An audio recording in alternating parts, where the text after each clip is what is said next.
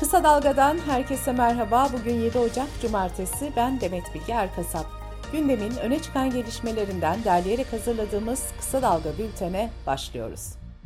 CHP, İyi Parti, Saadet Partisi, Demokrat Parti, Deva Partisi ve Gelecek Partisi'nin oluşturduğu Altılı Masa'nın önceki gün 9 saat süren 10. toplantısından sonra yapılan açıklamada geçiş süreci yol haritası ve ortak politikalar metninin 30 Ocak'ta ilan edileceği belirtildi. Kısa Dalga Ankara muhabiri Mahmut Aydın'ın aktardığına göre Altılı Masa Cumhurbaşkanı adayını da hükümet programı ile birlikte 30 Ocak pazartesi günü açıklayabilir. Ankara kulislerindeki genel beklenti ise bu adayın CHP Genel Başkanı Kemal Kılıçdaroğlu'nun olacağı yönünde. Toplantıya ev sahipliği yapan Gelecek Partisi Genel Başkanı Ahmet Davutoğlu, ortak Cumhurbaşkanı adayı için mutabakat var, tek aday çıkaracağız dedi. Davutoğlu'nun açıklamasına göre Cumhurbaşkanı içeriden veya dışarıdan olsun genel başkanlar her önemli kararda imza yetkisine sahip olacak. Davutoğlu bu sistemi de şu sözlerle açıkladı. Biz bir karar alırken CHP'nin hassasiyetlerini gözeteceğiz. Kılıçdaroğlu karar alırken muhafazakar kesimin hassasiyetlerini gözetecek.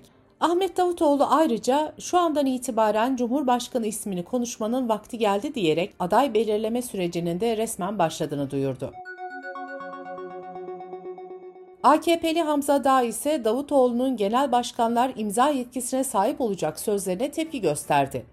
Hamza Dağ, bu açıklama aynı zamanda anayasanın ihlal edileceğinin ve bir sivil darbe hazırlığının itirafıdır dedi.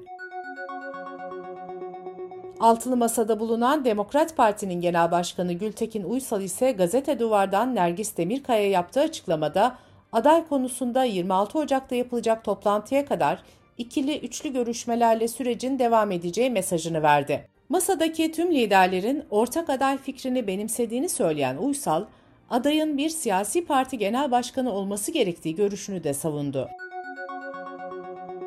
HDP, Türkiye İşçi Partisi, Emek Partisi, Emekçi Hareket Partisi, Toplumsal Özgürlük Partisi ve Sosyalist Meclisler Federasyonu'nun oluşturduğu Emek ve Özgürlük İttifakı da adaylık konusunda ortak açıklama yaptı. İttifak, mutabakatla belirlenmiş bir ortak aday seçeneğine yakın olduklarını ilan etti. Açıklamada ayrıca 15 Ocak Pazar günü İstanbul Kartal Meydanı'nda ortak miting düzenleneceği belirtildi. Ülke Ocakları'nın eski genel başkanı Sinan Ateş'in öldürülmesine ilişkin soruşturma kapsamında aralarında iki özel harekat polisinin de bulunduğu 4 kişi daha tutuklandı ve soruşturmada tutuklu sayısı ona çıktı. Tutuklananlar arasında MHP İstanbul İl Yöneticisi Ufuk Köktürk de bulunuyor. Bu arada ateşin öldürülmesine ilişkin aranan Dodo lakaplı Doğukan Çep de Beykoz'da gözaltına alındı.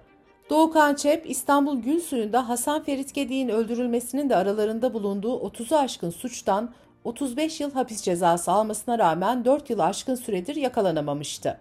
Çep'in firarı olduğu dönemde Gürcistan'da olduğu ileri sürülmüştü. Öte yandan İstanbul'da birçok sokağa Sinan Ateş cinayeti aydınlatılsın yazılı afişler asıldı. Anayasa Mahkemesi Vakıflı Köyü Ortodoks Kilisesi ve Surpirgiç Ermeni Hastanesi vakıflarının hazine adına kaydedilen taşınmazlarının iade edilmemesinin mülkiyet hakkı ihlali olduğuna hükmetti. Türkiye kurak bir kış geçiriyor. Çevre, Şehircilik ve İklim Değişikliği Bakanı Murat Kurum, son 52 yılın en sıcak Aralık ayının yaşandığını belirtti. Bakan Kurum bu tablo umut vermiyor dedi. Yağsız kış barajları da vurdu. İstanbul'un barajlarında doluluk oranı son 10 yılın en düşük ikinci seviyesine geriledi. Ali Beyköy Barajı'ndaki su oranı %18.29'a düştü. Bu oran son 10 yılın en düşük oranı oldu. İSKİ Genel Müdür Yardımcısı Bülent Solmaz önlemleri aldıklarını ve su sıkıntısı yaşanmayacağını belirtti. Meteoroloji Genel Müdürlüğü'nün 2022 Eylül-Kasım dönemi kuraklık haritasına göre Yozgat, Kırıkkale ve Kırşehir şiddetli kurak, Nevşehir ise orta şiddette kurak iller arasında yer aldı. Bu şehirlerde görülen kuraklık nedeniyle ekilen tahılların çimlenmesi gecikti.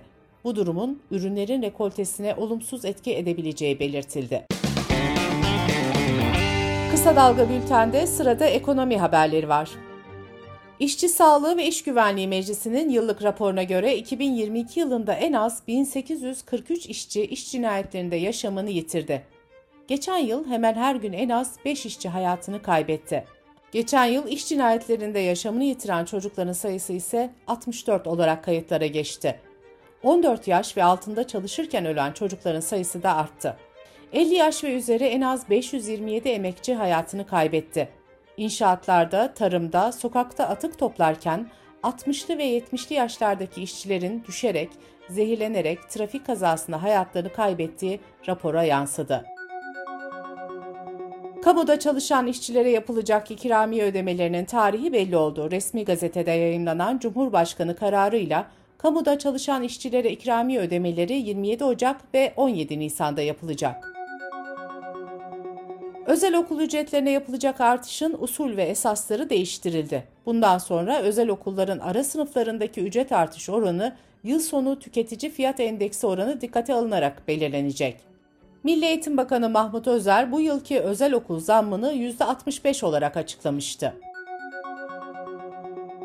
Cep telefonu için kullandırılan tüketici kredilerinde vade sınırının belirlenmesinde dikkate alınan 5 bin liralık tutar 12 bin liraya çıkarıldı.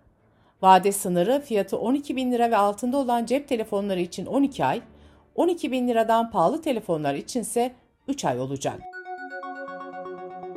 Avrupa'da Euro bölgesinde tüketici fiyatları Aralık'ta bir önceki yılın aynı dönemine göre %9.2 arttı ve beklentilerin altında kaldı. Son veriyle birlikte Euro bölgesi 2022 yılını tek haneli enflasyonla tamamlamış oldu. Dış politika ve dünyadan gelişmelerle bültenimize devam ediyoruz. ABD Dışişleri Bakanlığı Sözcüsü Ned Price, bakanlığın belgelerinde Türkiye'nin İngilizce Turkey yerine Türkçe kullanımıyla Türkiye yazılması kararı alındığını açıkladı. Price, değişiklik talebinin Türk Büyükelçiliğinden geldiğini söyledi. Beyaz Saray ve Ulusal Güvenlik Konseyi Türkiye kelimesini ülke ismi olarak kullanmaya birkaç ay önce başlamıştı. Bu konuda ilk adım geçen Haziran ayında Birleşmiş Milletler'de atılmıştı. Rusya Devlet Başkanı Putin dün ve bugün geçerli olmak üzere Ukrayna'da 36 saat süreli ateşkes ilan etti. Rusya, Ukrayna'yı da ateşkese katılmaya davet etti. Fakat Kiev bu talebi reddetti.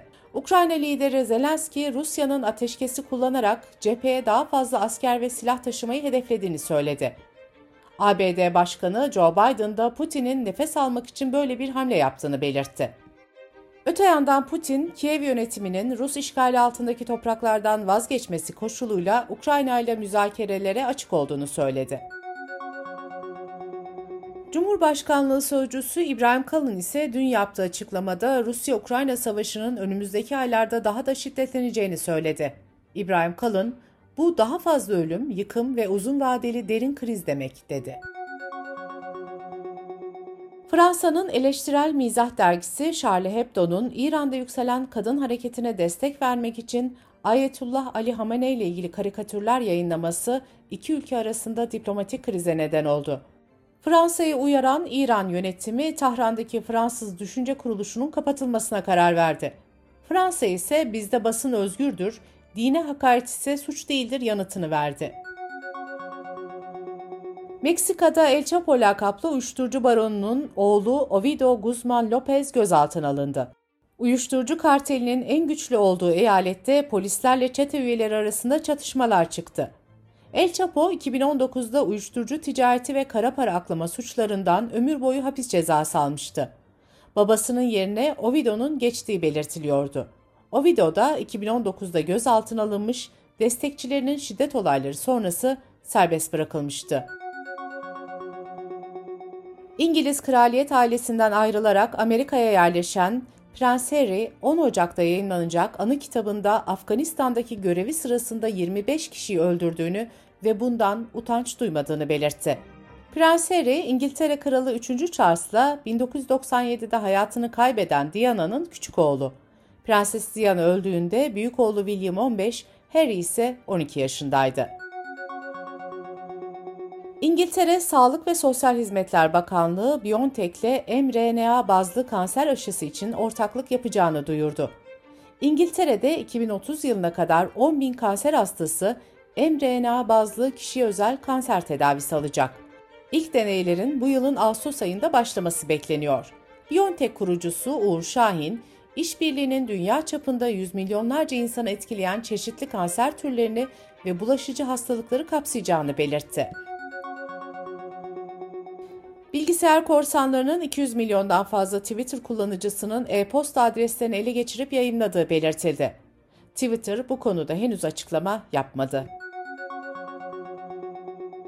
İrlanda'da yapılan bir araştırma, üniversite öğrencilerindeki ruh sağlığı bozukluklarının, uyuşturucu veya içki bağımlılığı riskinin okudukları bölümle ilişkili olabileceğini ortaya koydu. Araştırmaya 1829 birinci sınıf öğrencisi katıldı. Bulgulara göre pek çok öğrenci üniversiteye bazı ruh sağlığı bozukluklarıyla başlamıştı ve daha ilginci belli sorunlardan mustarip olanlar belli bölümlerde yoğunlaşıyordu.